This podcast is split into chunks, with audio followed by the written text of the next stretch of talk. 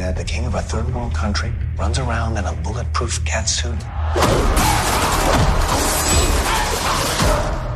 Why don't you ask him yourself? Because he's right outside.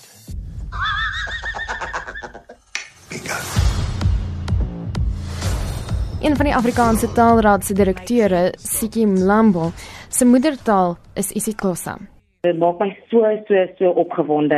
Ehm um, dis wonderlik om een van ons Afrika tale op die rooi tapijt te sien in in Hollywood onder die sterre en al daai ligte. Ek dink regtig hierdie um, gaan so goeie impak hê vir taalvordering in Suid-Afrika en uh, natuurlik vanaf 'n uh, Afrikaanse taalraad 'n uh, posisie uit.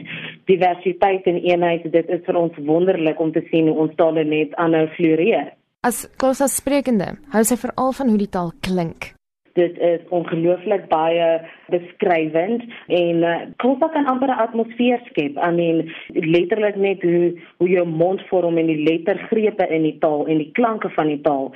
Dit is 'n atmosfeer skepende taal. 'n Kenmerk van die taal is die sogenaamde kliks. En as jy wonder hoe hulle gevorm word, hier is 'n Lambo se raad. Jy kry die X-klik wat die mense in die woord Kosa vind. Ek lag altyd as mense vir hulle kan nie uitspreek nie want eintlik kan ons almal. Jy raak iewers kwaad en verkeer en dan gaan hy ag dan maak jy so. Dit dis dieselfde klank. Dan het jy die N en C tipe aan klank wat ng wat jy hier voor met die punt van jou tong teen jou tande voor hier plaas.